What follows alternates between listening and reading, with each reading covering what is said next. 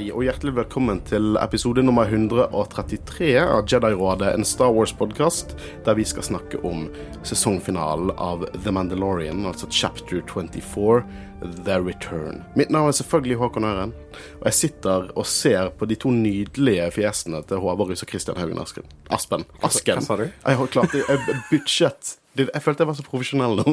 Jeg klarte det ikke. Asken. Asken. Asken, ja. Litt sånn Askenlanden. ja. Ja. Eh, så vi skal snakke om eh, Rick Familua sin eh, regisserte sesongfinale av sesong tre. Eh, og eh, Hva synes vi, gutter? Hva synes dere? Ja, kjempegøy. Det var bare action eh, omtrent fra start til slutt. Og så en liten Nesten som en epilog eh, som var ganske rolig og grei. Føltes nesten ut som en Kunne vært en seriefinale, men eh, jeg er veldig glad med former.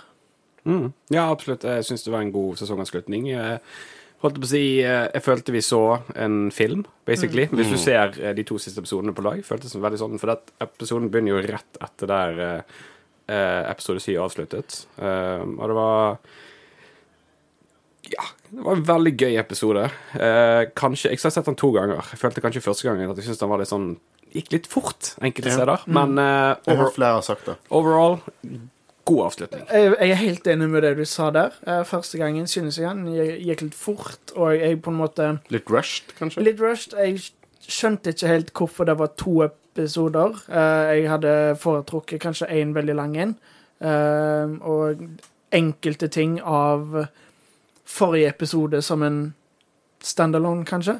Men uh, så, Fordi eh, jeg så den først tidlig på morgenen, og så når jeg kom hjem fra jobb uh, Ikke si til sjefen at jeg ser Star Wars på jobb.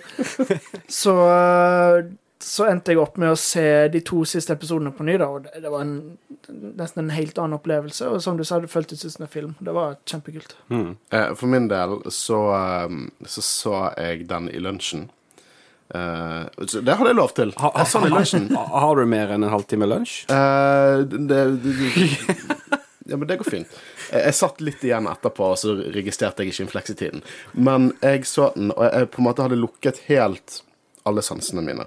Og det er litt vanskelig å på en måte unngå liksom, ting på internett når du jobber i IT, for du sitter foran internett hele tiden. Men jeg klarte ingenting kom inn. Ingen meninger. Det var bare mitt blanke lerret. Og så satte jeg meg ned.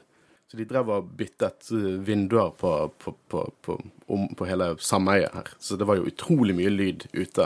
Så jeg har et par ødelagte noise cancelling headphones som eh, eh, bare ikke fungerer. Det er en annen story. Så jeg tok airbudsene mine, og så tok jeg de eh, ødelagte headsetet over airbudsene mine, sånn at jeg fikk complete silence. Og så så jeg episoden. Og jeg syns det var helt fantastisk. Jeg, jeg, jeg eh, det, det, det første tanken jeg hadde etter jeg så episoden, var Denne episoden inneholder alt jeg liker med Star Wars. Du har liksom drama. Du har nesten som i Return of the Jedi, et slag på forskjellige levels, liksom. Det store, episke slaget i luften, og den mer intime duellen på bakkenivå, der all dramaet er. Du har levity med droidehumoren, eh, og så har du bare karakterer som vi bare Så jeg i hvert fall elsker. Og en ting som denne sesongen har klart å gjøre, og det, det, det, snakket jeg om forrige, mye forrige uke, den har fått meg til liksom Jeg kjenner på stakesene. Jeg er litt usikker på om hovedpersoner bare kommer til å overleve. Og det merket jeg veldig i denne episoden og forrige episode. Så jeg, eh, jeg satt jo For jeg snakket med deg, Håvard. Du, du, etter du har sett den, så har du sagt, sendte du melding og spurte om jeg hadde sett den. Eh, og da snakket du litt om dette her med episoden, at du kanskje hadde foretrukket om det var en standalone. Eh, og i min mening så elsk, gjorde det at hvis, det, hvis dette hadde vært en standalone eh, Mobilen min gikk av, beklager. Eh, hvis dette hadde vært en standalone, så hadde rett og slett eh, Paz Wisslersen død for meg ikke vært like impactful som den var i forrige episode. Akkurat det kan jeg si meg enig i. Så det jeg tenkte, var liksom det at det siste vi så i forrige episode, var at uh, Din Djarin ble tatt til fange. Så umiddelbart så hadde det ingenting å si, på en måte, og Um, Men hold, hold den tanken litt før når vi hopper inn i, i Yes. For vi, vi begynner faktisk med det, tro det eller ei.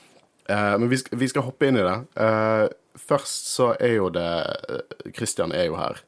Uh, og hver gang Christian kommer, så pleier han å ta med seg en sånn nydelig fortelling om sosiale medier. Så kanskje du slipper det løs til våre lyttere. Ja, absolutt. Eh, Følg oss gjerne på Twitter, Facebook, Instagram og TikTok. Eh, gi oss gjerne en rating på Spotify. Vi setter utrolig pris på det. Og vi bryr oss egentlig ikke om hva dere skriver, så lenge dere gir oss fem stjerner. Det kan være jeg liker katter, og så fem av fem stjerner. Og eh, ja, fortsett å sende oss spørsmål, innspill og kommentarer på episodene så vi kan ta med under sending. Det, vi setter stor pris på det, og vi, som Håkon sier hver gang, vi leser alt. Vi leser alt, og vi har et lyttersegment. Utrolig mye interessant som blir sendt inn. Forskjellige meninger. Eh, Og jeg, eh, vi leser alt. Men jeg tror vi fikk rekordmange denne episoden. Det er mange meninger der ute, så vi kunne ikke ta med alt, men vi kommer til det i slutten.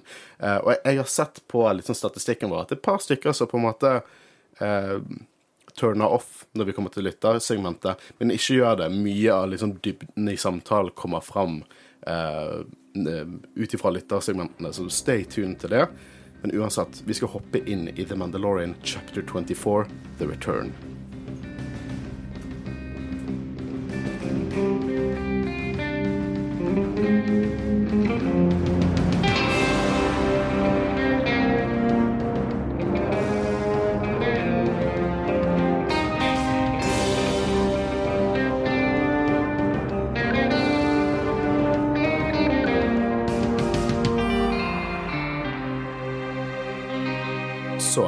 Sesongavslutningen. Episode nummer 24 av The Mandalorian, regissert av Rick Famuyiwa, som er min nye favoritt-Star Wars-regissør, eh, begynner rett eh, der vi left off. Og jeg husker jo vi snakket om at eh, OK, hva er planen X? Skal du bare fly opp til eh, flåten? Ja. Det var, det var awesome. Jeg hadde nesten glemt litt ut at det var jo ikke i space, det var jo bare i atmosfæren til Mandalore, så han måtte liksom ikke gjennom der, og det er jo langt opp, men ehm, en eh, så badass fyr som X klarer det, vet du. Men uh, vi, det er ikke første gang vi har sett Mandalorians eh, fly i space. Uh, du har ikke kommet der ennå. Men i Rebels så ser jo vi, uh, ser vi Ursa Wren sine Mandalorians eh, fly i space. Eh, Så vi vet at eh, draktene har kapasiteten til å holde vakuum, eh, i hvert fall en liten tid. Ja, ja, altså, de- altså, de- de har jo òg oksygentanker, ikke det? Jo da, Ja. vi så jo det i Book of Bobafett, sant? Ja. når han gikk tom for oksygen. Sant? Eh, blandet det er jo på en måte menneskets drivstoff på veldig mange måter. Eh, men X skal jo på en måte få, få eh, flå, eller troppene på bakkeplan, og så skal han bruke The Cruiser som, som, en, som en lokkemiddel for eh, Moff Gideon sine, sine in- interceptors og TIE bombers. Vi snakket jo veldig mye forrige uke om liksom hvem disse spionene var, og det var jo veldig mye hinting, og det viste seg jo at det var jo bare red herring, på en måte. Det var ingen som uh, bytta side her. Nei, jeg, jeg faller veldig for det, den artikkelen som Ja da, du det snakket om. bibelreferansen. Ja, for at mange av disse episodene har jo, om ikke alle, jeg husker ikke alle titlene nå, men har veldig sånn religiøse eh, meninger bak seg. Mm. Eh, og jeg tenker òg, det har jo på en måte return òg. Kan jeg bare prøve? The Apostate, Minds of Mandalore, Oi. Ja, Um, mm, det, ja. The Convert, var det episode det stemmer. Ja. Ja. Episode fire, The Foundling. ja. Uh, så var det The Pirate. Det er sikkert noen pirater i bilen. Og så var det episode seks. Hva faen var episode seks, da? Eh, Det var når de var på, eh, med Jack Black. Uh, Guns for Hire. Uh, og så var det forrige episode, så var det The Spice, og så har vi, eh, har vi Mm. The Return. Men det, det gir på en måte mm, litt mening, det du snakket om i forrige episode, og så heter den her The Return, som på en måte er Ja, jeg, jeg kjøper det. Og det er flere eh, Jeg håper liksom litt at det kan komme opp i et eh, ja, Hvordan ble The Mandalorian sesong 3 laget? Jeg vil ha en Disney Gallery til denne Ja, sesongen. at de på en måte kan snakke litt om hva meningen bak episoden og navnet var. Mm. Det hadde vært litt gøy. Men det, jeg er helt enig. Jeg, jeg, jeg kjøper den eh, teorien, og, og jeg føler det er flere ting Vi skal gå litt inn på på slutten av denne episoden hva denne, litt hva denne sesongen prøvde å fortelle. Vi skal også selvfølgelig ha en, en season three recap-episode der går vi enda dypere på vår helhetsinntrykk. Eh, men vi, vi kommer til det i, denne episoden litt også. Jeg må bare si at jeg er egentlig veldig glad at det ikke var noen som uh, på en måte betrayer de. Uh, ennå, i hvert fall. Fordi denne sesongen har jo handla mye om på en måte hvordan Mandalorians har vært splitta. og at det som kan få de til å på en måte gjenoppstå, the return of Mandalorians, på en måte, det er at de holder sammen og sånn. Så jeg, eh, jeg setter pris på det at det på en måte Endelig er det noe som går veien til Mandalorian. Jeg, Ja. jeg, jeg, jeg er helt enig. Jeg bare jeg hadde en liten finger på at OK, hvem er det som kommer til å svike? Ja, det hadde jeg også. men men eh, I like it. Akkurat sånn som Men spesielt Eh, når, når X løpte inn i, i, i, på, en måte, på broen og sier sånn Dere må bare hoppe ut, og dere må komme dere ned. Og måten han sa 'I have orders' Ja. til Ja. Bo-Katan. Jeg, jeg må bare si han var effektiv. Fy søren. Det var rett ass. inn og få de Eh, rett ut. Du, eh, du nærmer deg hotdog-skapet litt, eh, X. Eh, absolutt. Eh, men noe av det første vi ser her, er jo det at Din Jarin kommer seg løs med en gang. Og Håvard, dette var noe du hadde litt sånn eh, Du var litt eh, ikke kanskje helt fornøyd med det. Kan jeg bare Altså, jeg, jeg likte det. Um, Du har lov til å ikke like det. Kan jeg bare spørre, er ikke det litt Altså Det var kul, han kom seg fri. Det var stilig fight. Eh, Grogu var der. Eh, men er ikke det litt arrogant å plassere to vakter på han? jeg har bare to. Jeg har en tanke om det senere altså. Okay. Ja. Det, det er kanskje litt mer det at det skjedde så fort. Det hadde vært kult å sett en sånn interrogation scene Helt i briefing room. Det hadde vært kult å Mm. At han kom seg løs på en litt annen måte enn bare to stykker i en gang. Men igjen, det var dritkult, og vi har jo sett at Din Djarin, han er flink. han er Han klarer seg, så det er ikke overraskende at han klarte det. Det bare føltes liksom ut med den cliffhangeren i forrige episode, så bare Å ja, never mind. Det er jo veldig Ja, Flash jeg- Gordon, da. Med sånn håpet- cliffhanger, og så neste episode Oh, never mind. Ja. Ja, jeg, jeg håpet litt på det samme. Og det er jo litt typisk Star Wars. også, Ja, det, de tar jo masse inspirasjon fra Flash Gordon. Eh, min tanke der, da For jeg, vi spekulerte jo om det, at liksom han kommer i interrogation, kanskje han ble fjernet hjelmen, er nødt til å ta et valg. Og det hadde vært en veldig kul story, liksom. Uh, og så var det mye spekulasjon. Er det Grogu som endelig må redde faren sin? Men det har vi allerede sett i denne sesongen. I episode to så tar Grogu og redder faren sin. Så jeg, og jeg var litt sånn Hva er det med Mando denne sesongen? Han faller, og han eh, blir tatt til fange, og nå blir han tatt til fange igjen og må bli reddet. Så for min del var det litt sånn kult å se Mando ta en litt sånn aktiv rolle. For han han har en tendens til å kanskje være litt sidekarakteren sin i, i denne sesongen. Og nå bare ja, Han er han er en kompetent Mandalorian, og han tar ut disse her superkommandoene eh, på en bare fet måte. Ja, for så vidt. Det var en kul måte han rømte på. Han eh, Ja, enig. Men uh, i hvert fall, jeg òg hadde på en måte syntes det var litt stilig hvis de hadde på en måte kommet litt lenger. Uh, at de hadde gjort det litt lenger, på en måte. Mm. Her er litt av de tingene de kanskje kunne gjort med episoden. For det hadde vært dritkult å sette at han ble tatt til et interro- interrogation room og snakket med Moff Gideon, eksempel.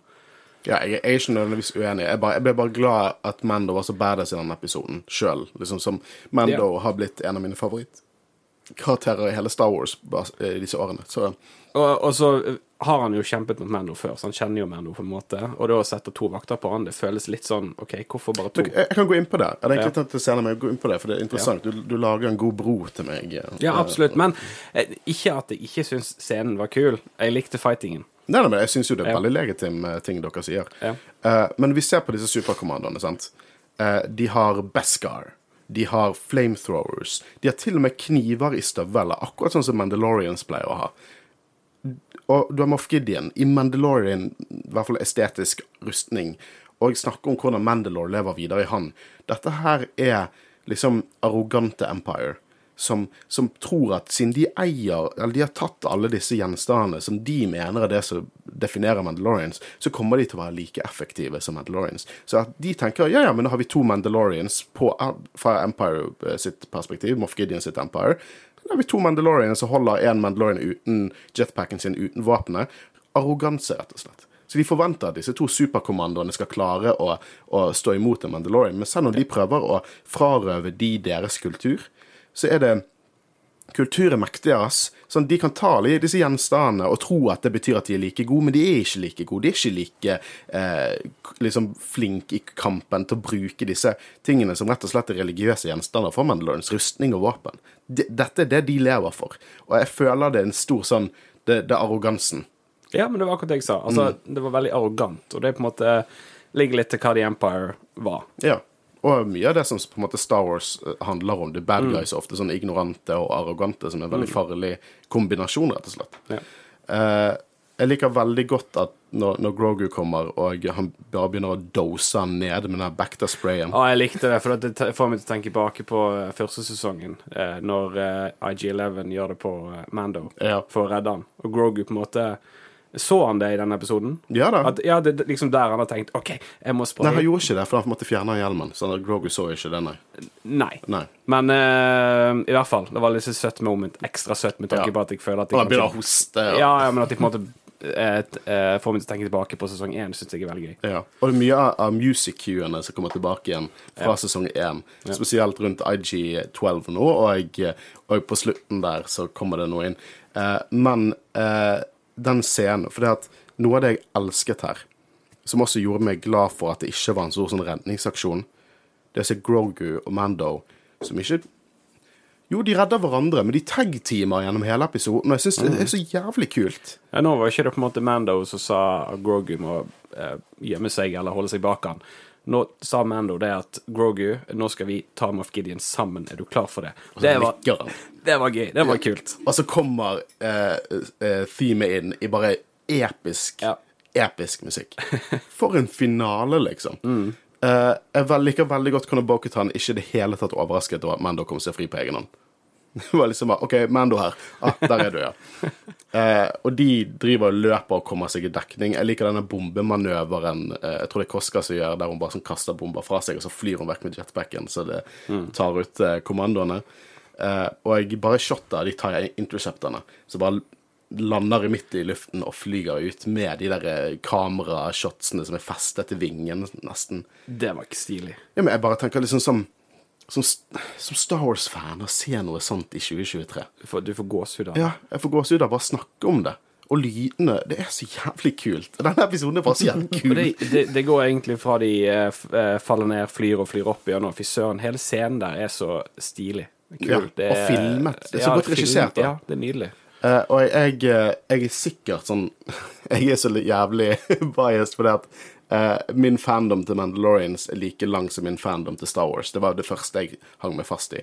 Uh, men, uh, men her, sånn når det kommer en superkommando inn til Moff Gideon og sier på en egentlig utrolig cheesy måte gir han en oppdatering. Jeg bare tenkte tilbake igjen til Empire Strikes Back. Det er sånn Two cruisers against a Star Destroyer. Jeg det er jo egentlig litt dårlig, men jeg så på det som sånn Star Wars-sjarm at jeg forestilte meg at de satte bak kameraet. Nei, si det dårligere! Si det litt mer, st litt mer stocky. uh, og Moff Gideon setter på seg den hjelmen, og nå skal han ta ut Mando. Han skal gjøre det sjøl.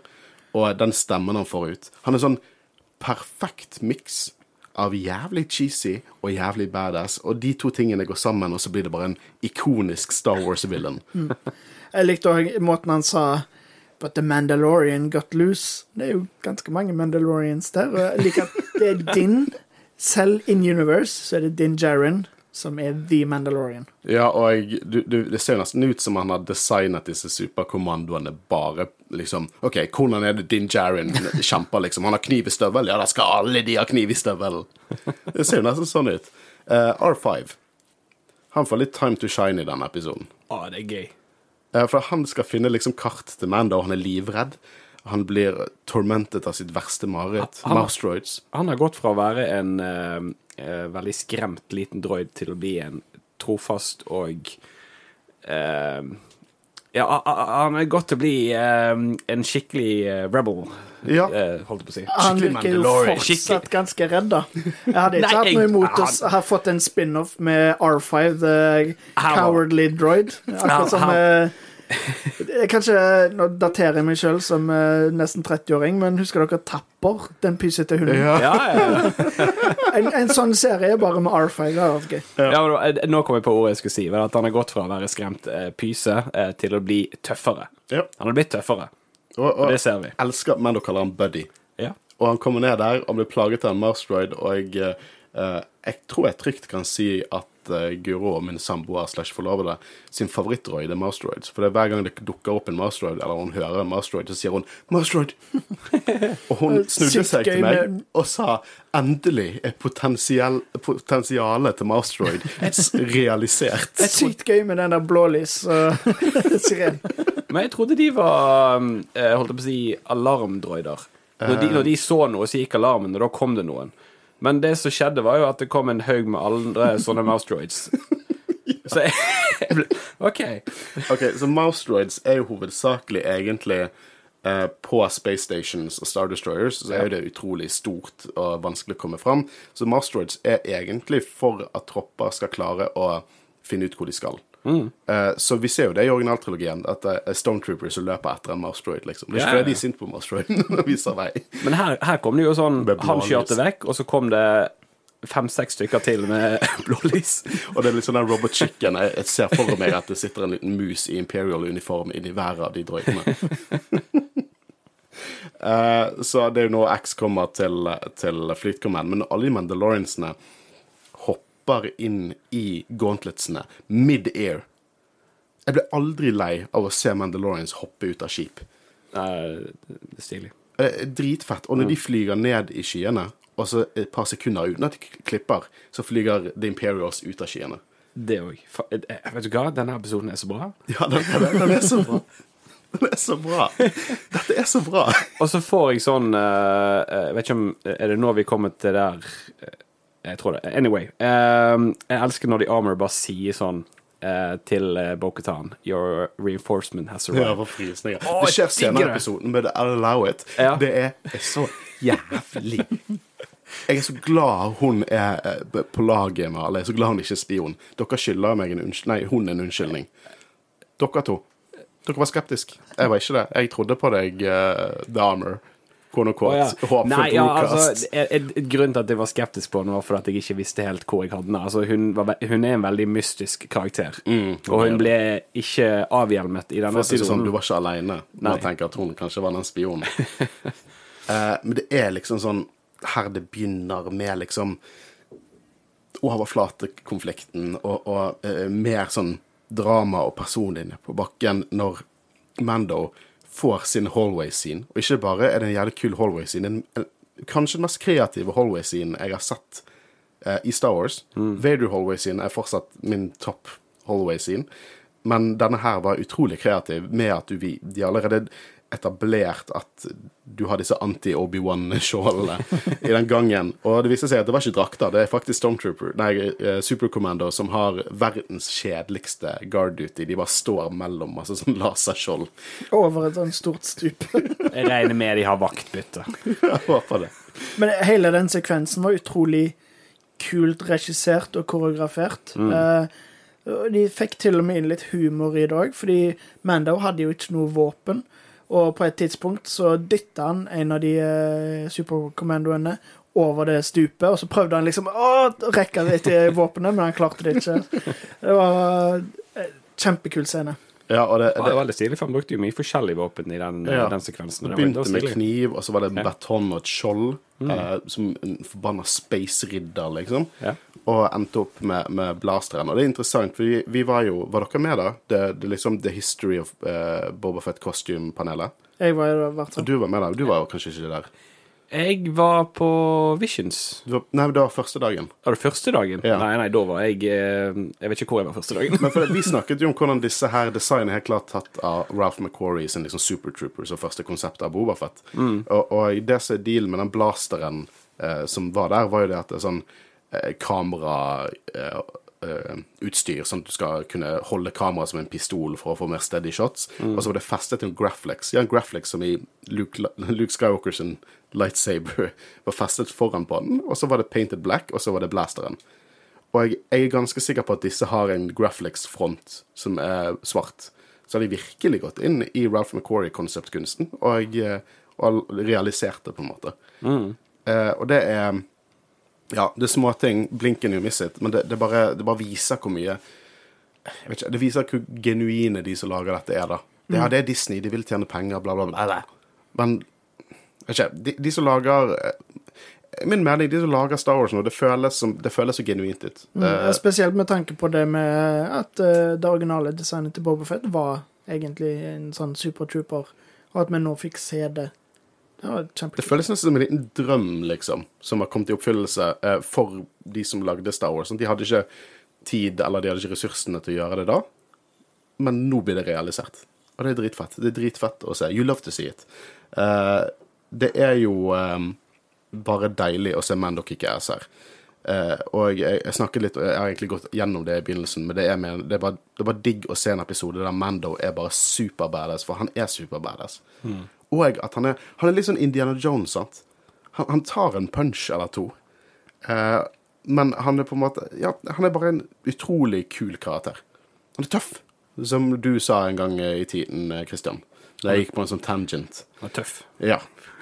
Og vi spekulerte jo masse i, i sesong to. Ok, Gideon holder på å prøve å, prøve å, å lage klone til Palpatine, hva han gjør. Eh, og vi fikk jo litt annet inntrykk av Gideon i forrige episode.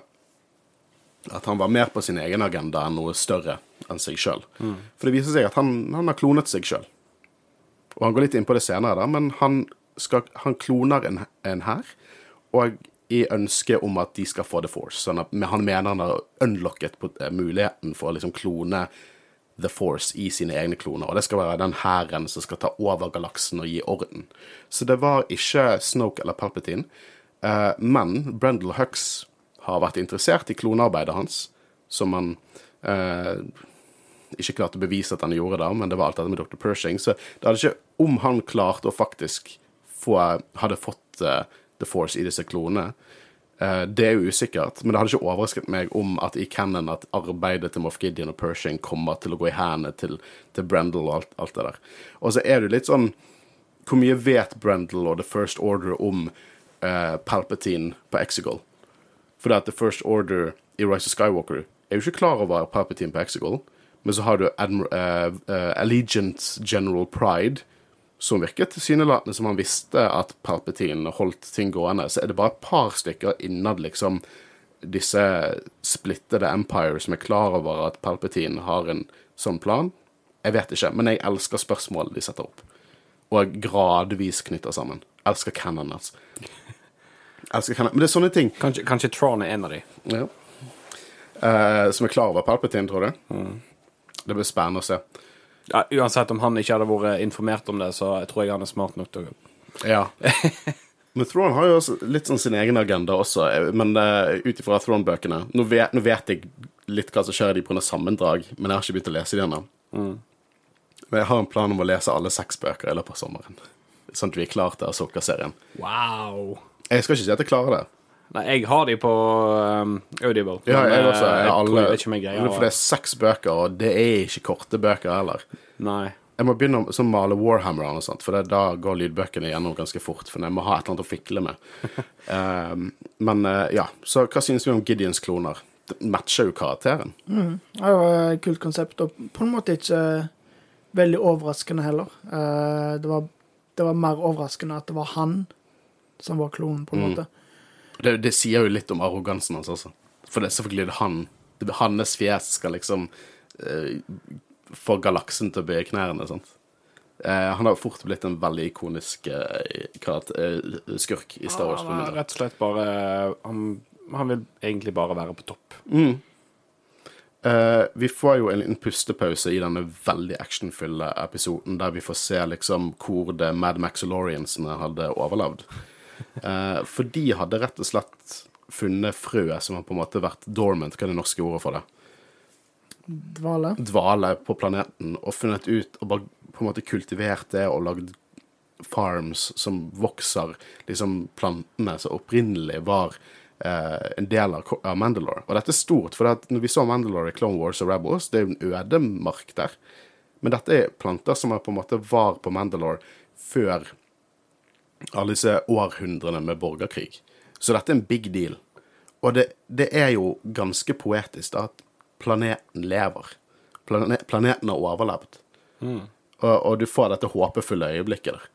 Eh, og det er jo her vi får bare det kuleste ever, som du sa i sted, med, med Lady Crease, your reinforcements has, have arrived. Dødskul eh, Uh, replikk. Eller, ja. Men eh, her hadde jeg faktisk håpet at de kunne utvidet litt òg. Fått litt mer eh, De kunne kanskje tilbringet litt mer tid der inne. Ja, jeg. jeg, syns det hadde vært veldig interessant. Jeg, skal ikke, jeg, jeg klager ikke på noen måte. Jeg bare Nei, men jeg er enig i det. Jeg, jeg hadde likt å sett mer av det. Ja, Men eh, Episoden kunne jeg vil ha mer av alt, så det ja, det, ja. men episoden kunne gjerne vart ti minutter lenger for min del. Sånn at de men, eh, kanskje kunne hatt litt mer pustepause eh, på akkurat dette øyeblikket, for eksempel. Fordi det var jo bare Jeg tror, tror det sto 42 minutter på Disney Pluss, og det var jo mer rulletekst og mm. Det er mer sånn teaser og- 36 minutter Mm. med faktiske episoder. Men, ja. men ja, det hadde vært veldig interessant å se mer. Mm. Ja, jeg er helt enig. Men musikken, når vi bare ser Mandalorians som bare møter andre Mandalorians, og alle stammene der, og de flyger, og i fronten er Boketan med jetpack og Darksaberen i front. Jeg fikk sånn uh, Siege of Mandalore, uh, Clone Wars-film Ja. når jeg så det. Fy søren, det var dødskult scene. Boketan bare flyr ned med uh, Mandalorians bak seg, med Darksaberen i front. Å, det var så bra. Og de, og de treffer liksom superkommandoene som, som to illsinte svermer av vepser eller noe sånt som treffer hverandre i, i luften der. Jo, men det, det følte jeg òg når, eh, når vi kommer til eh, Mando og uh, Gideon. Gideon. Så syns jeg på en måte i bakgrunnen at det så ut som fluer som bare fløy rundt omkring. men uh, men ja, konge. Fortsett. Ja, og det, det, jeg, jeg vil bare si at det liksom Det treffer meg, sant, på, på en sånn på, på en dyp måte. Ja, jeg, er- jeg er veldig fanboy nå, men det bare treffer meg. Jeg, jeg blir nesten litt rørt, for det, det er liksom Jeg har sagt det før, som en person som har vært fan av Mandalorian siden han var fan av Star Wars. Det vil si, Første gang jeg så Attack of the Clones, så gikk jeg rett og så Empire Strikes Back. Og så begynte jeg å spille Nights of the Old Republic. Og så Jeg husker liksom at da jeg var liten, og min mor sa jeg måtte legge meg, men jeg satt med laptopen under dynen og leste artikkel etter artikkel eh, av Wikipedia, liksom. Så det, det er bare Å se dette her, det er liksom Det er, det er nesten rørende for meg. Det er teit å si, men det, det, er, bare, det er helt fantastisk å se det. Og det, betyr mye for meg. Ja, nei, jeg vil ikke si det er teit å si. Det er er dypt, dypt det er rørende. Spesielt med tanke på din uh, uh, kjærlighet for det. Ja, og det, det er bare Det er så godt å se at det er gjort så bra. Uh, og jeg, ja, jeg, bare- jeg bare elsket det. Og, og eh, når de driver og bare flyr inn mot Supercommando, det er noe av det feteste Mandalorian action vi har sett. The Armor som flyr med hammeren sin. Det er så jævlig metall. Badass. Ja. Og og liksom Koska gjør, eh, Reeves gjør noe bare noe sånn sinnssyke sånn sliding motion. Der hun slider over en bro og hopper ned og tar Whistling Birds ut av knærne sine mens hun bruker blasteren sin. Eh, og, og, og, og liksom Boketan som bruker Darksaberen der. Det, det, det, det, jeg får liksom et ildebefeen av, hvor jævlig bra det er, liksom. Ja, jeg kan egentlig ikke si nok hvor bra regissert det er av Rick Famua, egentlig. Det er Action er så bra gjennomført.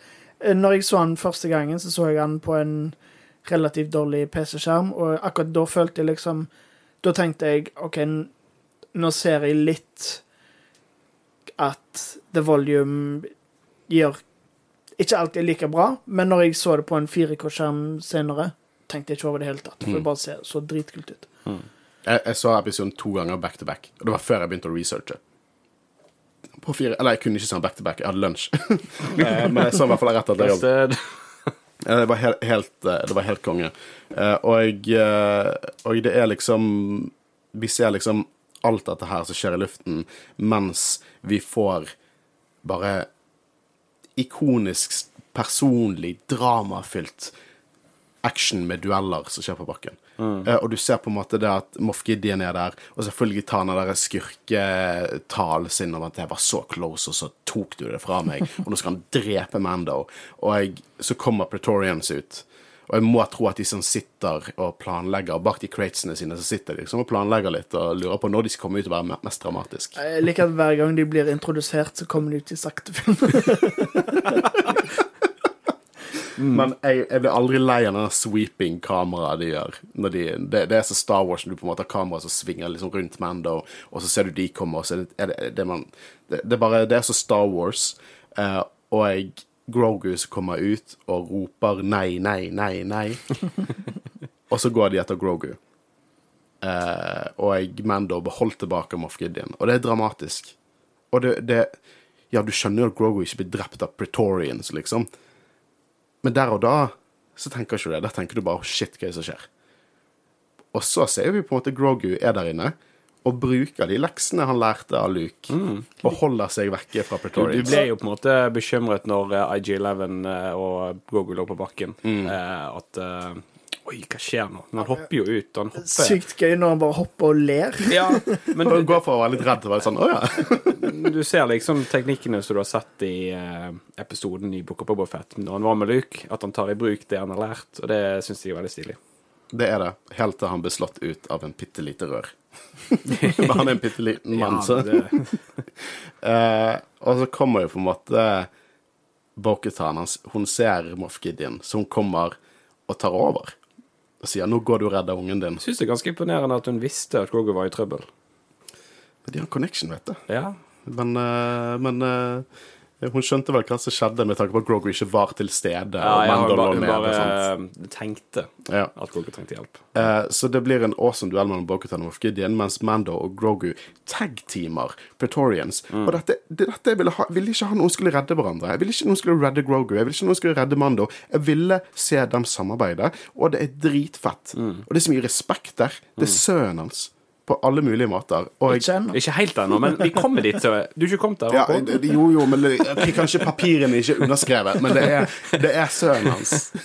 Og det er dritfett å se han bruke The Force. Det er to Mandalorians, to forskjellige Mandalorians, som jobber så godt sammen, og det er en oppbygging fra sesong én, da vi først så Grogu sitt, ligge i den lille, det lille egget, og så ser de jobbe nå sammen sånn. Og jeg, så får vi en episk lightsaber-duell. Kinda. Den er litt one-sided, med tanke på at det er én som har en lightsaber. Og en som har en Hva vil kalle det? Uh, våpen med to uh... Ja. Minner vel litt om det samme som ble brukt av Grievous sine vakter. Ja, Ja, kombinert med det Fesma brukte, for hun hadde en sånn liten stav som på en For det var sånn elektrisk uh, som gikk rundt der, sant? Ja. Ja. Uh, og imens så det er X som styrter nedover. uh, og jeg det er en, Hva skal jeg si? Det, det er bare dritfett, det som skjer her. Det er dritbra koreografert. Det, er, det er action. Det er god action, og ikke bare fordi at det ser jævla kult ut, men det er god action fordi at det er stakes, det er drama, det er kontekst. For det- enhver tulling kan lage fet action. ja, fet action er én ting, det er det jeg prøver å si, men når det er karakterer du bryr deg om, når det er kontekst, så blir det god blir det god Star Wars. Det er det som gjør god Star Wars-action. Det er alt dramaet som er bak der. Når du tenker på Luke versus Vader i Turn of the Jedi, rent teknisk det er ikke så imponerende. sant? Hvis du ikke vet hvem de, er. Men når du, når du ser dramaet der, når du vet at det er Luke som slåss mot sin far, så han fortsatt har et håp om er god innerst inne, så får du den ikoniske Star Wars-følelsen, og det får du her også. Dette, dette i min mening er bare Det er Star Wars. Det, det er Star Wars. Ti av ti, det er Star Wars. du setter liksom uh, stakesene veldig høyere. Det gjør spenningen mye bedre. Ja. Og, det, det, og jeg, jeg vil si også det samme med, med, med sånn Kenobi versus Vader i Kenobi-serien. For det er sånn, ja, det var mye shaky cam, det var litt mørkt, sånn rent teknisk, så hadde jeg litt issues med det, men dramaet bak det. Dramaet bak det, og konteksten og, og, og, og liksom relasjonene mellom karakterene gjorde at det bare ble ikonisk Star Wars-action, og dette faller rett inn i den, i den definisjonen, i min mening. Jeg, jeg, I like it. Uh, men også det at du bare ser at den cruiseren flyger ned, og det flammer i bakgrunnen, og hvordan X også ikke tar en holdo, og han faktisk blaster ut av broen, så han overlever. Eh, men det ender jo eh, Holdo kunne jo ikke akkurat gjort det, da. Ja, det hadde ikke fungert så godt. For, forsvarte du nettopp uh, Last Ja, jeg, jeg, grann? ja, jeg gjorde det. Hva skjedde med deg? uh, men denne kampen, første del av kampen uh, med Bokutan versus Moff Gideon ender jo med at han knuser The Dark Saber. Det er litt kjipt for deg, fordi når vi var i London, så kjøpte jo du en eh, Dark Saber, men nå er ikke Men- den lenger screen accurate. Jeg, Jeg tenker egentlig eh, i forhold til når Bo-Katan på en måte tar ut eh, Eller tar ut Gideon. Eh, basically når hun sier dette her med at Mandalorians are stronger together. For mm. at uh, Moff Gideon sier jo det at eh, Mandalorians are nothing without their trickets. Ja. Også Eh, nydelig. ja, altså jeg tenker sånn Det at Boketan sier det, at Mandalorians are stronger together, Darksaberen ble ødelagt, jeg føler det på en måte eh, starter noe på nytt. Altså på en måte Nå er Darksaberen en historie. Nå, eh, hvis du skjønner hva jeg mener. Mm, og spesielt Ja. etter det Din Jaren sa til hun i forrige episode, om Ja. at han gir faen i Darksaber. Nei, Jeg visste ikke hva det var engang, men uh, det som betyr noe, er ære og Karakter, Ja. og lojalitet. Så Og det at Darksaber på en måte er ødelagt nå, føler jeg det representerer en ny start. Det gjør det. Og jeg, jeg, jeg så for eksempel Stars Explained. og han, han, han var litt sånn iffy på episoden.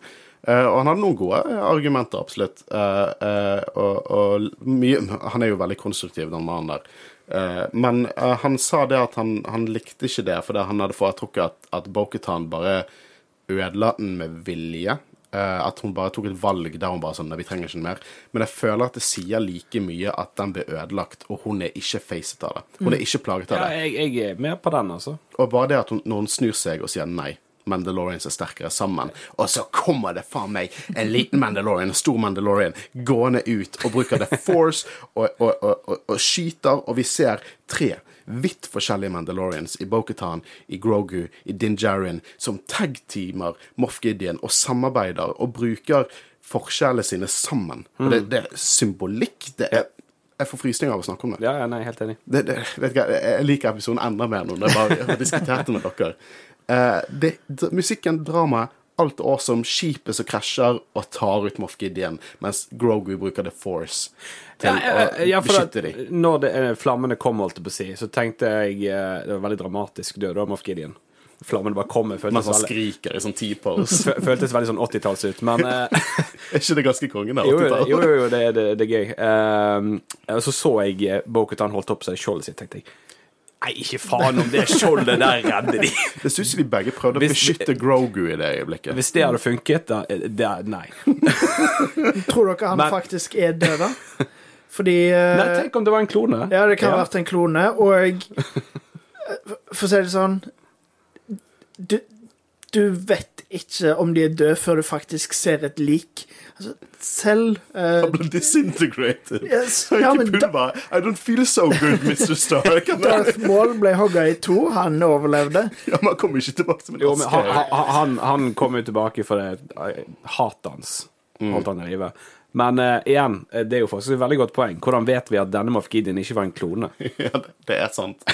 Men uh, det Grogu uh, holdt på å si, når du ser at han beskytter dem. Det var nydelig. Det var nydelig. Er det første gang Bo-Katan har sett Grogu bruke The Force? I hvert fall så eksplisitt. Fordi de har jo på en måte gjort et, et, et forsøk, i hvert fall, på å holde det skjult for Men hun er, hun er fullt og helt klar, og, klar over at han er en eh, liksom, The Force-bruker, for hun snakker jo om, om at hun hadde jobbet med Jedi i episode to. Stemmer. Men jeg tror ikke hun har sett det face to face eh, at han har brukt The Force. Hun så i hvert fall litt overraska ut, men selvfølgelig det, Det er jo en ganske stor ting han gjør. Ja. og han må ikke sove, men han må sette seg litt ned. og så, gutter, så ser vi Sundari, og vi ser Ragnar Wisla fullføre sin creed. Og denne gangen er det ikke en eh, krokodilleskilpadde-dinosaur som avbryter det. Og det er alle Mandalorians til stede, uansett stamme. Og så kommer Grogu opp, og Din vil at han skal ta det creed. Men han er for ung til å si det. Men hvis en forelder hadde gitt tillatelse, så hadde det gått. Så han adopterer Grogu, som nå heter Din Grogu, som bare er navn som ruller av tungen. Og det er så jævlig badass. Jeg visste ikke at Din var familienavnet til Din Jarin, men det er kult. Han er jo ikke Han, ble jo, han var jo en foundling, så Din Grogu. Det er din Grogu. Ja, det er Din Grogu. Hva syns vi om det?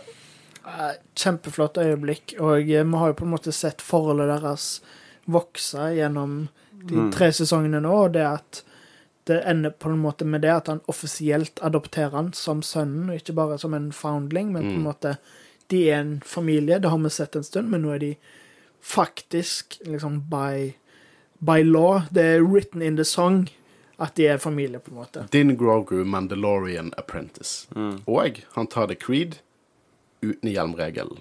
Og det er viktige eh, detalj. Ah, Neste sesong åpner med at han har fått seg en hjelm. Nei da. Uh, men det jeg syns var uh, uh, hva er ordet? Jeg vet ikke hva ordet jeg leter etter. Men eh, i hvert fall scenen som skjer med at Grogu Han connecter jo, føler jeg, med Mythosaurien. Jeg, jeg tolker det litt annet, men jeg vil høre dine, dine tanker. Nei, jeg, ba, jeg bare følte For at du ser Grogu, og så går jo kameraet ned under, der så uh, Din Jaren gikk over ende. Det som du liker så godt. Han falt. Eh, og så ser du jo Mittisauren, da. Jeg, jeg fikk jo litt sånn Grogu har jo på en måte connected med ting før, og jeg følte kanskje at det var det som skjedde nå. Jeg, jeg, det syns det høres plausible ut. Det var definitivt det jeg tenkte. da, at han på en måte så ned i vannet og Det jeg Så, tol sånn, tolket ut fra neste sesong så er liksom Grogu Han har kontroll på Mittesaur. Akkurat det du hoppet på, var ikke det? Men eh, unnskyld, hva var det du det er tenkte? mange som uh, Jeg fått inntrykk av mange som er litt skuffet over at det ikke var sånn big monster action uh, med Mittesauren. Jeg kan forstå det, for det var veldig mange vi, vi drev og spekulerte det. Um, jeg er ikke skuffet uh, for hvordan The Mythosaur var med her. Vi har fått sett at Mythosaur er på en måte dette mytiske, dette religiøse, dette visjonen som er på, på en måte betyr alt for Mandalorians. Jeg tolket det ikke som at det var Grogu spesielt som connecta med Mythosauren, men sist gang vi så Mythosauren der nede, så var han liksom Den var slumber. Den, den, den sov. Den var på en måte dormant. Og nå våkner den. Nå våkner han sammen med Mandalore. Han var jo våken forrige gang òg, da. Ja, men det var på en måte noe annet. Du på en måte fikk det at han fikk lys på seg, og så svømte han vekk. Men nå på en måte, nå våkner Mythosauren, og jeg tolket det som at det var Nå våkner Mandalore igjen. Nå, nå er Mandalore tilbake, og, og at det er mindre en sånn aktiv rolle Mythosauren spiller, men mer en sånn spirituell, tematisk rolle. Og jeg, jeg, jeg må si at jeg foretrakk det. Det har vært mye monster-action denne sesongen. Jeg trengte ikke en til. Og det er sikkert ikke umulig at vi faktisk får se uh, Mythosaurien i film fulle storhet i neste sesong. Jeg tror sesong. vi kommer til å få Men uh, jeg skulle til å si at han åpnet øyet, og så tenkte han jeg tar fem minutter til. Faktisk. Jeg, det var det jeg tolket første, første gang vi så han, at da var det sånn Åh, Snus. Men nå var det mer sånn Å, shit, jeg har steder å være. Eh, men eh, jeg tror aldri jeg har hørt This Is The Way på mer mektigere måte enn det vi gjør Mm, i nei, den ja, sekvensen. mm. sekvensen. Ja. Og jeg eh, Det går jo over til, at, til at liksom Nå må Mando Din Djarin og Din Grogu De må gå ut på reisene sine, akkurat som mesteren til Din Djarin gjorde med han. Så det er jo liksom Det er jo The Man With No Name. Det er Blondie fra The Good, The Band and Ugly. Det er liksom Ja, han, han går gjennom sånne store events, men han er ikke nødvendigvis hovedperson i sin egen historie. Nå går han tilbake igjen til det han vet. Ja, Liksom. følte dere på en måte at eh, de forsøkte nå å avslutte et kapittel? Altså ikke på en måte at vi ikke kommer til å gå tilbake til Mandalore, det gjør vi sikkert, men at de på en måte ville eh, avslutte eh, og ta tilbake Mandalore og eh, gjenreise det på en måte med sesong tre nå, og så skal de da starte noe nytt i sesong fire. Det blir en ny story. Så jeg, Jeg føler at det, og akkurat det følte de klarte ganske bra. Det var, Hvis det var en en veldig film. grei kapittelavslutning. Hvis dette hadde vært en, hvis Mandalorian hadde vært en film, Ja. så hadde sesong én til tre i mine øyne vært første film. Ja, sant? At Ja. nå har de avsluttet dette, og nå begynner de på noe eh, Det som på en måte leder opp mot det som òg kommer til å spille en stor rolle i Asoka-serien. Mm. Jeg føler nesten dette kunne vært uh, The Empire Strikes Back-moment òg, da. På en måte et lyspunkt i eh, etter noe fælt som har skjedd. Mm. Kanskje ikke like ille, fordi det er fortsatt mye galt som skjer i Kanskje dette med Return of the Jedi er liksom off Gideon is gone. Det er, liksom, det, det er bokstavelig talt det mest lyse, giddy øyeblikket i hele Mandalorian. Ja, men jeg, jeg bare tenker det er på en måte et midtkapittel, for vi har på en måte fått introduksjonen, Mm. og så har vi fått dette her, og så nå leder det opp til noe nytt i slutten. ja. Mm, ja. ja, jeg kan være enig i den. Men eh, jeg bare sier å se de fyre opp The Great Forge uten The Dark Saber følger de Bokutan tilsynelatende, og de begynner å rope for Mandalore. Og for min del så er dette en konkluderende scene for en ark som begynte med Clone Wars i sesong to for 14 år siden. Ja, Ja, ja, sånn ja. føles det. Og første gang vi så Mandalore liksom, eh, i, i canon, og, og jeg eh, jeg fikk, et øy, jeg fikk tårer i øynene for, eh, av dette, rett og slett. For det er bare Det er noe jeg har ønsket å se i over 20 år. Og, og jeg, jeg fikk det. Så dette betyr utrolig mye for meg, og, og, og jeg Ja, jeg ropte nei når Dark Saber ble, ble ødelagt. Jeg ropte faktisk nei. Jeg satt alene og ropte nei. Og så så jeg det igjen med Guro senere på kvelden, og da hvisket jeg nei når de knuste The Dark Saber. Men hvor symbolikken der, og alt det betyr Og, og en annen ting jeg har lyst til å snakke om før vi går videre på liksom epilogscene, eh, er jo det at burde man burde på en måte Dette her med Children of the Watch. For det at eh, vi har på en måte fått inn eh, synet av at kanskje liksom Children of the Watch er en kult, de er the bad guys. Og, eh, og vi har jo spekulert mye om liksom dette avslutter med at de fjerner hjelmregelen. Det at Grogu tar en Creed uten å bruke måtte bruke hjelm, det er jo et step forward. Eh, Men jeg har begynt å få litt andre tanker om hva denne, eh, det de prøver å formidle med Children of the Watch og The Night Owls. For du ser jo, The Night Owls også har sine egne ting. De, de, de bare aksepterer ikke at Mandalorians har tatt, tatt The Creed, men ikke av blod at de er Mandalorians. De nekter å følge noen som ikke har en ting. En ting de kan vinne ved å bare drepe noen og ta den. Så de, de, har sine egne liksom, fanatiske ting de følger. Og jeg tenker liksom på de der The Spice fra forrige episode, og hvordan det på en måte eh, er mest sannsynligvis en, en parallell til liksom Gamle testamentet, dette med jøder. Og jeg, eh, jeg hadde en fin samtale med Marius på Tegneserieligaen. Som regel så har vi fine samtaler om Star Wars. Vi er som regel enige, så de er alltid veldig civil. Eh, men eh, han begynte jo på en måte å se litt på dette som sånn Dette er mer to forskjellige grupper, eller forskjellige grupper innad samme trosretning. Det, det er det ortodokse jøder, og det er jøder. Og de har på en måte her hvordan de kan leve sammen. De kan anerkjenne at alle Mandalorian, uansett hvilken trosretning de har, så er de alle Mandalorians. Det er Pass og det er X som spiller samme spill, men de er uenige på reglene. Men til siste slutt så er det samme spill. Og jeg tror det er også mye av det som denne sesongen handler om. Hva vil det si å være Mandalorian? Som, hva vil det si å være Mandalorian? Alle kan være en Mandalorian. Enten du på en måte er født til det, eller du velger å ta det. Så jeg, jeg, jeg begynner å tenke at denne her eh, Jeg fokuserer ikke så mye på den hjelmregelen. At mer som at nå de som velger å ikke vise fjesene sine, det er fordi at det er slik de velger å på en måte være Mandalorian. Men at de nå anerkjenner at de som velger å vise fjesene sine, de er også like mye Mandalorian som vi er. Eh, og det er det jeg velger å tolke ut ifra det jeg ser i, i denne episoden. Det er liksom Ja, det er de meningene jeg eh, Jeg syns det er en ganske god tolkning. mm, Takk. Bare takk til Marius. Du gir meg mye inspirasjon, buddy. Du som min egen personlige R5. Uh, han kommer til å like Jeg gleder meg til reaksjonen på den. Eh, vi ser nå at han oppsøker Carson Tiva, og jeg, uh, jeg liker den lille eh, interaksjonen her at uh, han skal ta med sin, sin apprentice på ulike jobber, og han kommer til å være litt mer selektiv på hvilke jobber han tar. Så hvis New Republic trenger litt, litt støtte, så vet de hvor han finner Jeg, den. jeg syns det er gøy å se eksempel Trapper Wolf Dave Filoni sitte i bakgrunnen der. Ja. Det, det er så gøy. Og hele den der bare sånn Ja, jeg må tenke på det. Nei, det må ikke du. Det er en god deal. Du kommer ikke til å si det til din leder uansett. Han trenger en down payment, og det er en IG Assassin Droid-hode som ligger oppe på, på trophy-listen der. Er det hodet til IG88? Det kan hende, men IG88 sånn, I Legends var det tre forskjellige IG88, og sånn, hver gang en døde, så lastet han opp consciousnessen sin til en annen IG88. Det er Star Wars retconning de luxe. Uh, men uh, en lytter, jeg husker ikke alt det du skrev, men han, han snakket om Project Blackwing, om en av de Stormtrooper-hjelmene oppe var en referanse til det, og det er jo på en måte Project Blackwing er jo faktisk et canon-konsept, men det startet Det er ikke like utdypet som det er i Legends, og det er jo den Death Trooper-boken, den zombie-boken, som jeg har snakket mye om.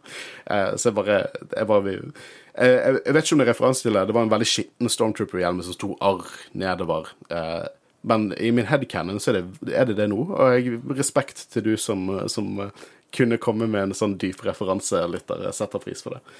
Uh, og så drar han til Navarro, og du ser Grief Karga, som virkelig anerkjenner Din Grogu. Og her har dere hjemmet deres, så dere kan gå til mellomeventyr. Og det var så koselig. Det var sånn, Søtt lite Ja. hus. og så kommer IG11, Marshall, med ny paintjob. Ja. Eh, jeg tror faktisk ikke det er IG11, for jeg husker hva som har skjedd tidligere, men det var kult. Han, han er omprogrammert, men det er droiden, på en måte. Ja.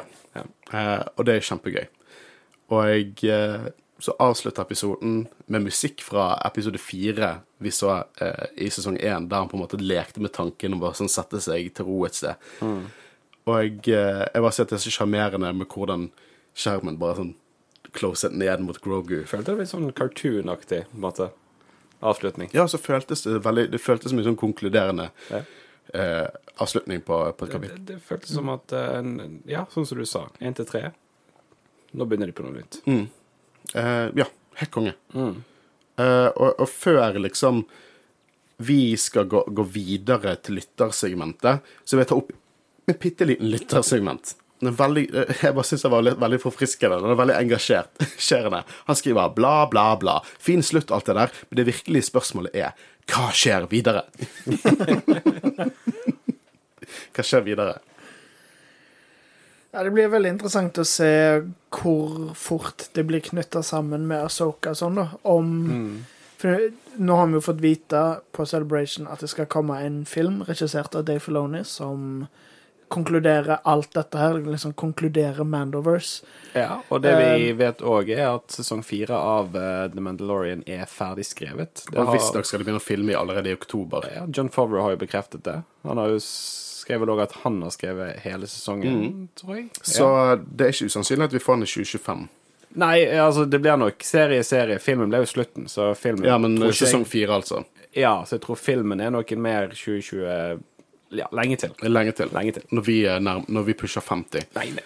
Eh, det er så mye venting. Eh, men ja, hva som skjer videre? Jeg, jeg tror absolutt liksom eh, Dere fikk meg til å tenke med den der eh, Gideon-klonen. Eh, og Giancarlo Esposito er jo en skatt eh, i Star Wars. Men jeg tror Thrawn blir the big bad nå. Jeg tror han kommer inn og, og tar styring. Jeg håper litt at uh, At han ikke At dette var en klone, da. At Moff Gideon dukker opp igjen. Jeg føler det var en OK eh, avslutning for han som eh, antagonisten. Eh, og så tror jeg det at eh, nå som Tron blir introdusert i Asoka, at han kommer til å være det Han er jo the big bad. The big bad. Ja. Han er det. Eh, så jeg tror Throne kommer inn, og hvordan han spiller inn i liksom Mandalorian-konflikten, det er vanskelig å si. For det, det, er jo, det er jo veldig konkluderende, dette her, men det er jo fortsatt ting som ikke er på en måte eh, løst. Jeg tror fortsatt at vi kommer til å se den Se også Children of the Watch kommer til å ta av seg hjelmene sine.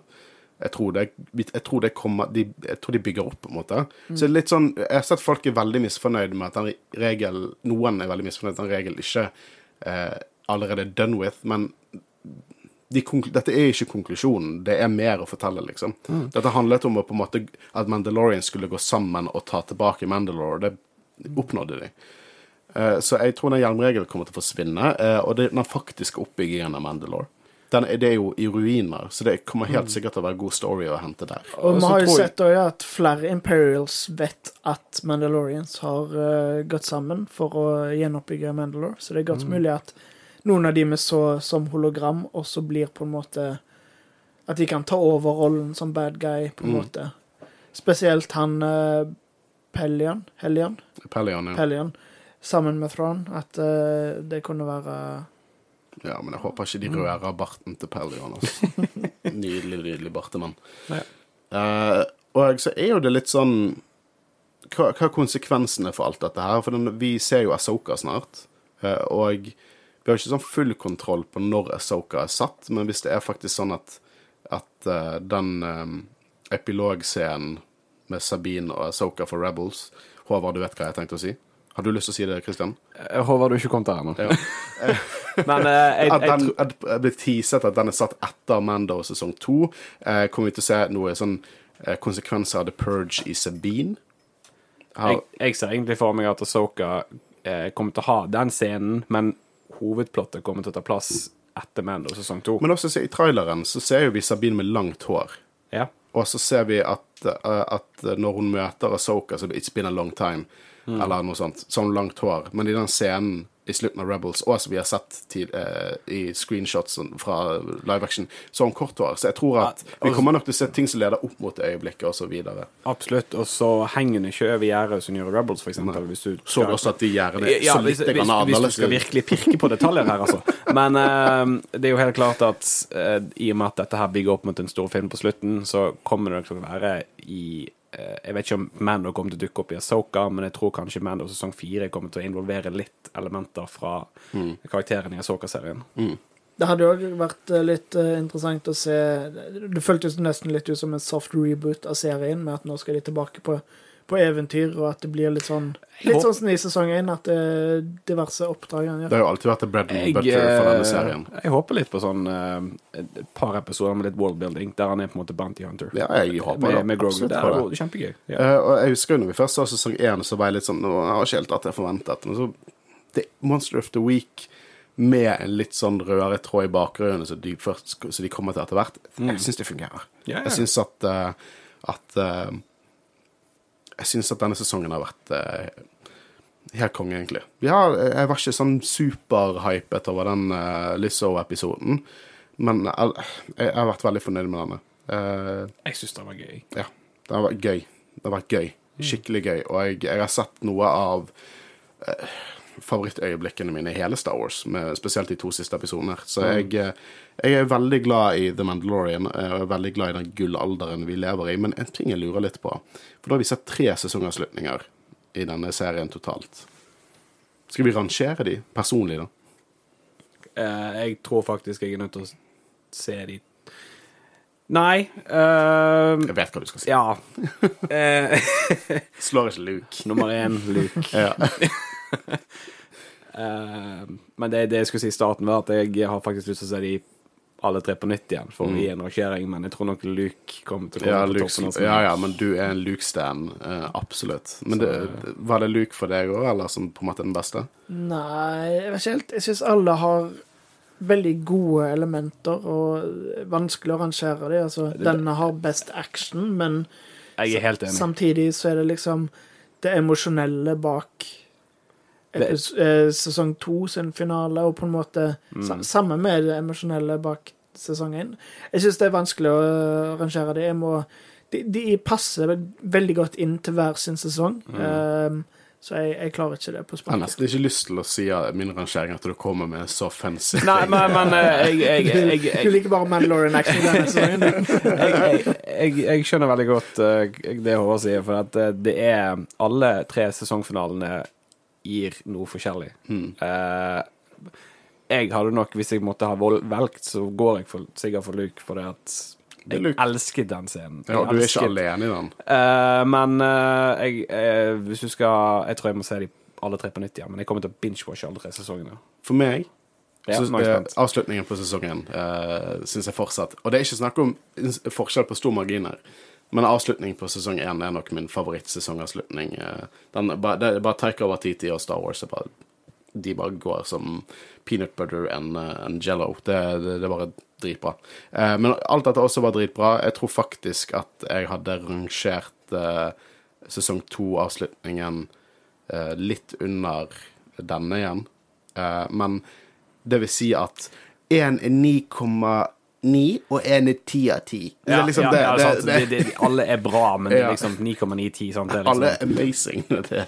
Uh, men eh, det, det er nydelige greier. Og uh, jeg ble litt overrasket. Uh, fordi at jeg, jeg Jeg er ikke så fan av på en måte å, å, å, å, å, være så veldig stor delakt Liksom se så mye på sånn YouTube-kommentarer og Facebook-kommentarer og sånn. Men jeg, jeg, jeg setter veldig pris på, på å høre fra våre lyttere. Håvard må nyse. Dette skal med, sant? Ja. Nei da. Jeg setter veldig pris på å høre fra våre lyttere, fordi at um, jeg eh, det, det, det, finnes mye der ute som er lite konstruktivt. eh, og det er veldig, det, vi er jo veldig på forskjellige meninger, og eh, vi fikk mye forskjellige meninger. Og eh, 99 av alt som ble sendt inn, eh, uansett hvilken mening det var, var veldig konstruktive.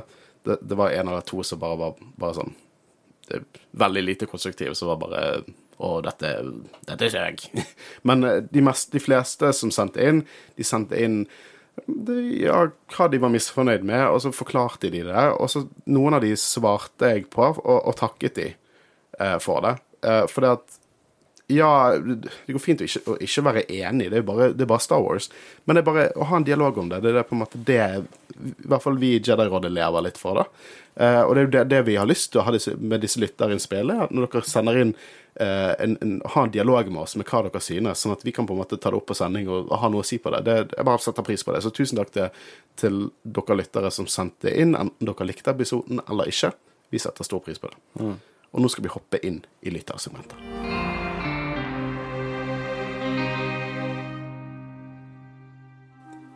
Den første ut er en, eh, fra en ny lytter. Eller ikke en ny lytter, han har jo støttet oss veldig lenge, men han, det første gang han sendte inn til oss. Eh, og han, eh, han har vibet kanskje ikke helt med episoden, men han skriver 'likte ikke helt denne'.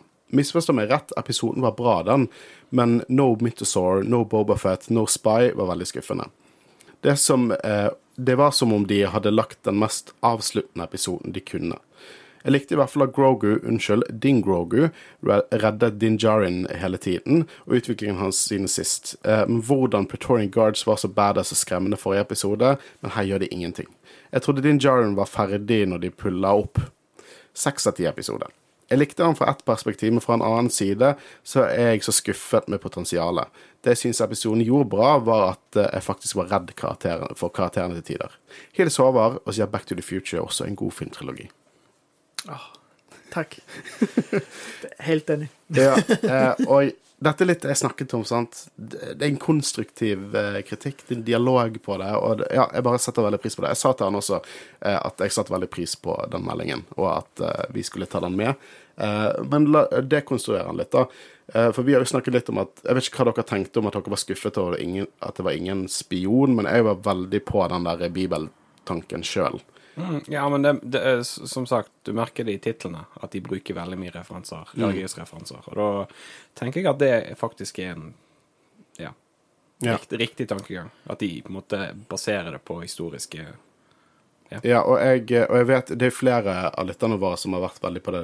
Ingen uh, Bobafett, uh, ingen Mythosaur Action, og den, også flere som sa liksom Og ingen Thrawn. Um, jeg føler vi er litt delaktige over å skape den hypen, for vi har jo hypet det opp tusen ganger.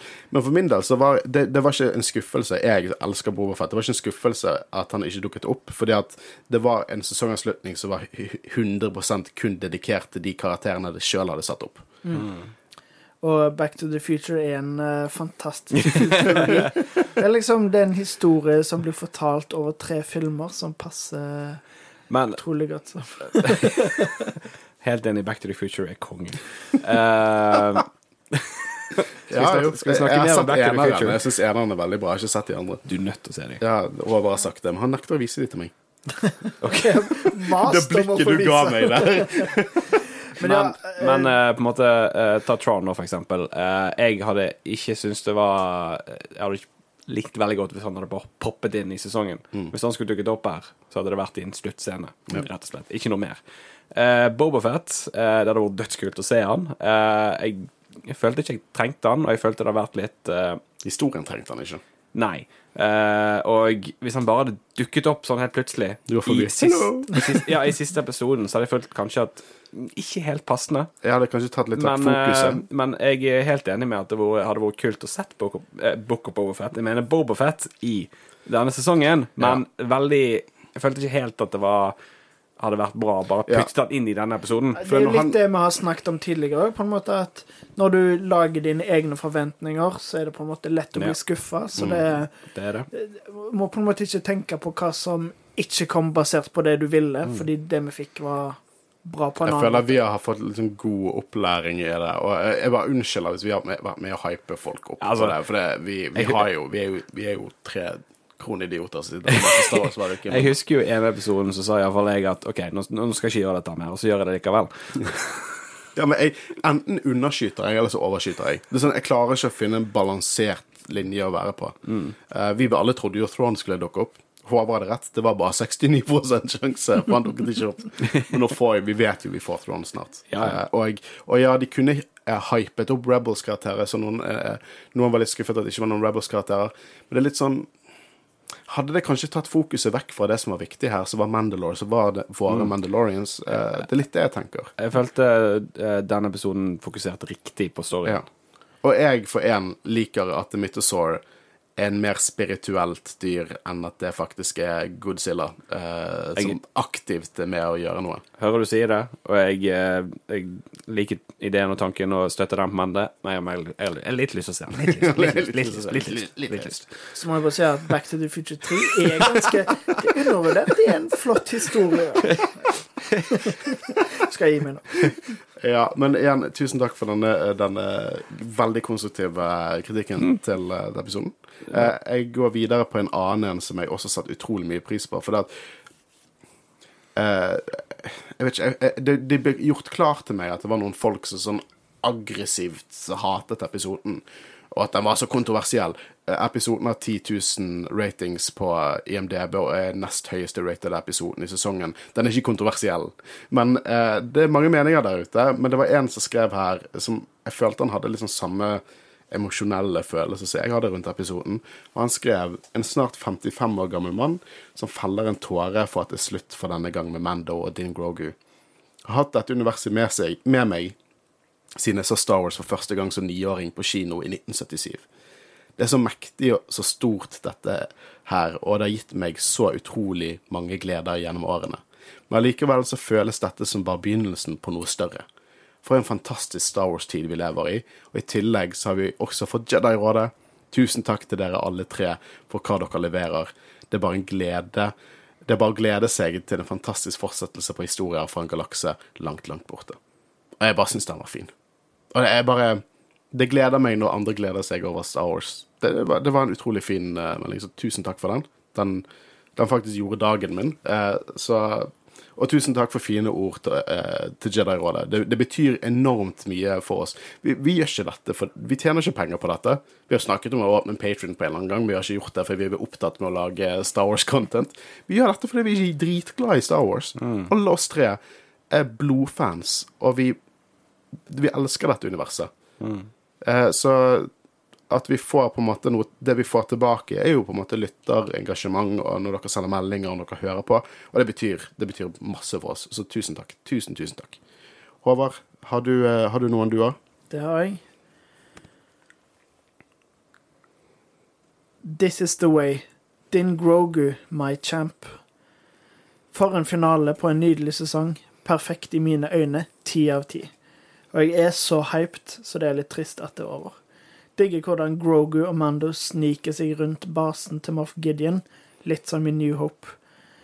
Og hvordan R5 tar de samme jobbene som R2 pleide, og spesielt når han blir forstyrra av de andre droidsene midt i oppdraget, minner veldig om R2 i Attack of the Clones. Men jeg digger bare alt med denne episoden. Fighten helt på slutten når Grogu blir et uromoment for fiendene og flytter rundt på våpnene med The Force. Jeg lo høyt. Yes, yes, yes. Oh, veldig bra. Jeg liker engasjementet ditt. Og når de igjen kan åpne smier på Mandalore, det var en nydelig scene. Alt i alt en ti av ti episode og finale på sesongen. Og sen på slutten, når Grogu leker med den frosken. Nydelig. Helt enig. Gleder meg til mer Star Wars, og til å høre hva dere tenkte om episoden. Fortsett med det, fortsett med det dere gjør. Takk for det. Det kommer til å fortsette med enn så lenge vi Ja, har da. eh, ny Star Wars, og det virker som å bli en god stund. ja, jeg tror ikke det er noe fare med det første. Uh, ja, men det, det er utrolig kjekt at, at du likte episoden. Men du har en til på lager, har ikke du det, Håvard? Det har jeg. Eh, Den var så lang at jeg glemte meg ut. Her er neste. Hmm. Jeg synes eh, sesongavslutningen var bra, men fikk de litt dårlig tid, lite budsjett igjen på slutten her. 40 minutter. Sitter liksom igjen med følelsen av at ting ble litt forhasta, og fikk kanskje litt lite dialog. Hvorfor blir vi tatt med ned til skjulestedet til piratene i to sekunder for å snakke om plantelivet vokser på planeten? The Armorer fortsetter å være mystisk, men er i hvert fall ikke spion. Spørsmålstegn. Vi så faktisk ikke Moff Gideon døde. Sesong fire? Spørsmålstegn. Din Grogu. Og en frosk. Froskemoji. Helt enig. Anyways. Sykt mange fette slåsskamper, og vi må ikke glemme mouse-droidene. Gleder meg til å høre episoden deres til fredag. Ja, vi, vi, eh, vi snakket jo litt om det at, eh, at Jeg skal ikke være uenig om at kanskje vi kunne trengt litt, litt mer tid. eh, Spesielt i den der episoden planteepisoden. Eh, Jeg skjønner jo hva de prøvde å formidle til oss. Liksom. Det var jo veldig tematisk med at planeten overlever. Planeten er ikke død. Eh, Den fortsetter å leve Mandalore. Eh, Men ja, jeg, kunne gjerne jeg kunne gjerne hatt et par minutter der inne. jeg. Husker jeg har sagt det at jeg føler episoden er så lange som de trenger å være. Jeg føler ikke jeg sitter igjen med at uh, At uh, at de trenger å pushe noe lenger. Men dette er faktisk en episode jeg har lyst til å si at her kunne de tatt mer tid. Litt mer dialog. Kanskje ja. få litt mer backstory til de uh, Mad Maxiloriansen var Og da går der. vi litt mer inn på det du først sa, at det kanskje da hadde fungert mer som en, en totalepisode med forrige episode. For jeg synes regimessig og alt så, fung- så går det veldig godt inn i stilen for forrige episode, men, men at uh, dette kanskje føltes ut som en stor klimaks, som en stor tredje akt. Hele greien var en tredje akt, liksom. Det var ikke en vanlig struktur på episoden. Det var bare det store klimakset i, i, i en film, rett og slett. Eh, Så kanskje, kanskje for dere som ikke likte Som ikke vibet med den så godt det dere sier, det- Ja, dere likte jo den, men dere var litt skuffet. Uh, fordi at eh, eh, det, Kanskje å, å se det back to back med forrige episode, som en feature-film, rett og slett, og kanskje det vil hjelpe synet litt. Jeg syns det var en utrolig kul opplevelse. Det skal jeg i hvert fall gjøre. Eh, men det neste jeg skal oppleve, er jo Christian som, snakker, som tar opp sin lytter. Eh, ja, skal vi se. Grogu, eller skal jeg si din Grogu, er ubeskrivelig søt i sin IG-12 som redder din. Ble veldig fascinert over klonen til Moff. Eh, klonene til Moff. Og klonen til Moff, du er stuck på den teorien din, du. Håvard har festet den i hodet på meg. eh, sier en del om hvor langt de har kommet i forståelsen om kloner, når de med sikkerhet, virker i hvert fall sånn på Moff, kan lage kloner som er force-sensitive. Likte fighten mot Moff og synes det er flott å se Bo-Katan og Din jobbe sammen. Utrolig morsomt at det nå er canon med Dadalorian. Ja. Det var alltid canon i mitt hjerte. Eh, litt kjipt at de gjorde IG-12 til en sheriff droid, men ja ja. Alt i alt en superfinale. Hadde hjertet i halsen hele veien. Vil også legge til at jeg virkelig elsket at Darksaber ble ødelagt. Veldig fin symbolikk, og liker hvordan det knytter seg til forrige episode, hvor Din nevner at han eh, At for han og de andre betyr ikke sverdet noe. Avslutningsvis var det episk å se Bo tenne The Great Forge. Darksaberen gir veldig eh, dragescroll fra Kung, Kung, eh, Fu Panda-wipe. Ja. Kjenner ikke du til Kung Fu Panda? Å, Lauren? jo, jo, jo. Uh, dette er vel fra Det er eneren. Eneren, ja. Ja, ja, ja. det, den scrollen. Det er en kongefilm, ass. Ja, ja, ja. Ikke sett noen. Og, Har du ikke sett Kung Fu Panda? Eh, hva er det neste? Du har ikke sett How you, To Train Your Dragon heller? og, en, eh, og en til eh, Jack Black-link. Ja. Veldig. Jeg er enig, og jeg eh, em, Dette med Darksaberen, det likte jeg veldig godt. Eh, Ja, jeg, min Darksaber er ikke screen accurate, men eh, eh, jeg likte veldig godt symbolikken der, og jeg på noen måter syns jeg dette var mer effektivt enn at hun hadde bare sånn ødelagt den sjøl. Jeg syns det hadde vært litt for klisjé. Nei, jeg liker hvordan Hvorfor skal hun bare ødelegge den, liksom? Det, det var litt meta, føler jeg, liksom. Jeg liker hvordan de har gjort det. Ja, at hun, det, det, hun reagerte ikke på det. For nå var det Mandalorian som var samlet. Hun hadde opplevd det. Ja. Uh, så, bare, Bare det, det hun sier i den scenen òg, om at uh, Mandalorians er sterkere sammen, det, det gir så mye til eh, at den Darksaberen blir ødelagt òg. Og bare tenk så mye hat eh, fans hadde eh, gitt hvis de hadde gjort det. Husker dere hva som skjedde i begynnelsen av Last Jedi? Når eh, Luke bare kasta den over skuldra? Folk klikka i vinkel over det. Det hadde vært akkurat det samme om igjen. ja, det, det var dramatisk. Uh, men ja, det, det, jeg ser jo det at en fellesnevner som mange sier, uansett hva de synes om episoden, var jo det at de var veldig de var litt bekymret for at karakterene skulle dø, og det, det viser jo at, eh, at eh, de effektivt har klart å bygge opp stakesene i episoden. Eh, men ja, jeg, jeg håper vi har vi, Det var mange andre jeg gjerne skulle hatt med av lytterinnspill. Vi fikk så sinnssykt mange. Så jeg valgte litt Jeg valgte ut litt av de forskjellige meningene her. Vi har noen som er superhypet, vi har noen som ikke vibet helt, men det er noen som er litt mer på treet, midt på treet. Men, men igjen, vi leste alle, og jeg satte pris på på 99% av de som kom inn. For det, det var noen som bare rett og slett ikke var konstruktive i det hele tatt. Men eh, sånn er det. Eh, så uansett, tusen takk til lyttere. Tusen takk for at dere liksom vi, vi er jo ikke noen eksperter mer enn andre, men jeg, jeg må si at det, det er litt kjekt å se at folk liker å høre oss diskutere det. Eh, så det er kjekt å høre. Det er veldig mange som sa at de gleder seg veldig til denne episoden, og det, det gleder meg at folk gleder seg. Det, det gjør det gøyere for oss òg. de. Vi blir veldig engasjert og eh, får veldig mye positiv energi. Ja. Du, du, du stråler. Er sånn, Hvem? du, du, Jeg? ja. Du, du, du, du, du ser ut som en ny mann. Ja. uh, uansett, uh, det blir nå Hva er det neste episoden var? Neste episode Vi kommer til å dekke uh, Jedi Battlescars-boken. Eh, I vår første uh, Jedi-rådet spin-off. Det er på samme feed, da, men eh, vi skal, der vi dekker bøker. Kan du gi en liten, sånn, liten preview av hva du synes om boken så langt? Jeg vet ikke hva jeg kan si, men det jeg kan i hvert fall si, det er at Den er veldig kåt. Han fanget ikke så mye sånn at jeg hadde lyst til å bla, bla, bla, bla, hvis du skjønner. Så, men uh, det er jo veldig uh, spennende å lese uansett. Den er enormt kåt. Hvorfor er den boken så kåt? Jeg, jeg vet ikke helt hva du refererer til når du sier kåt. Den er bokstavelig talt dritkåt. Det er så mye sex og ting. ja, men, ja, jeg, jeg vet ikke hva jeg synes om, om boken ennå, men vi skal uansett eh, eh, dekke den. Jeg har tre timer igjen på lydboken min. eh. Så meg, deg og, og, og min forlovede Guro, hun kommer faktisk til å være programlederen på det. Fordi at eh, hun har dekket eh, bøker før eh, i podkasten Pottergenerasjonen. Hun vet hvordan hun limiterer seg eller holder seg litt sånn konkret på hva som trengs å bli ledet om.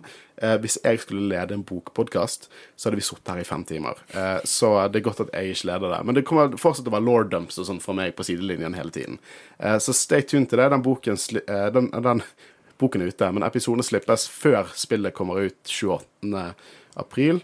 Eh, Så hvis dere ikke tenkte å, å lese boken, eh, så er det også verdt Eller liksom ikke har lest boken og ikke tenker å lese boken, så er det også verdt å høre episoden. For dette, vi kommer til å formidle historien der, sånn at alle får med seg de små referansene i spillet. Og den eh, vil du eh, mest sannsynlig eh, få på mandag mm. i forkant av spillet. Ja. Jeg vet ikke om du nevnte det.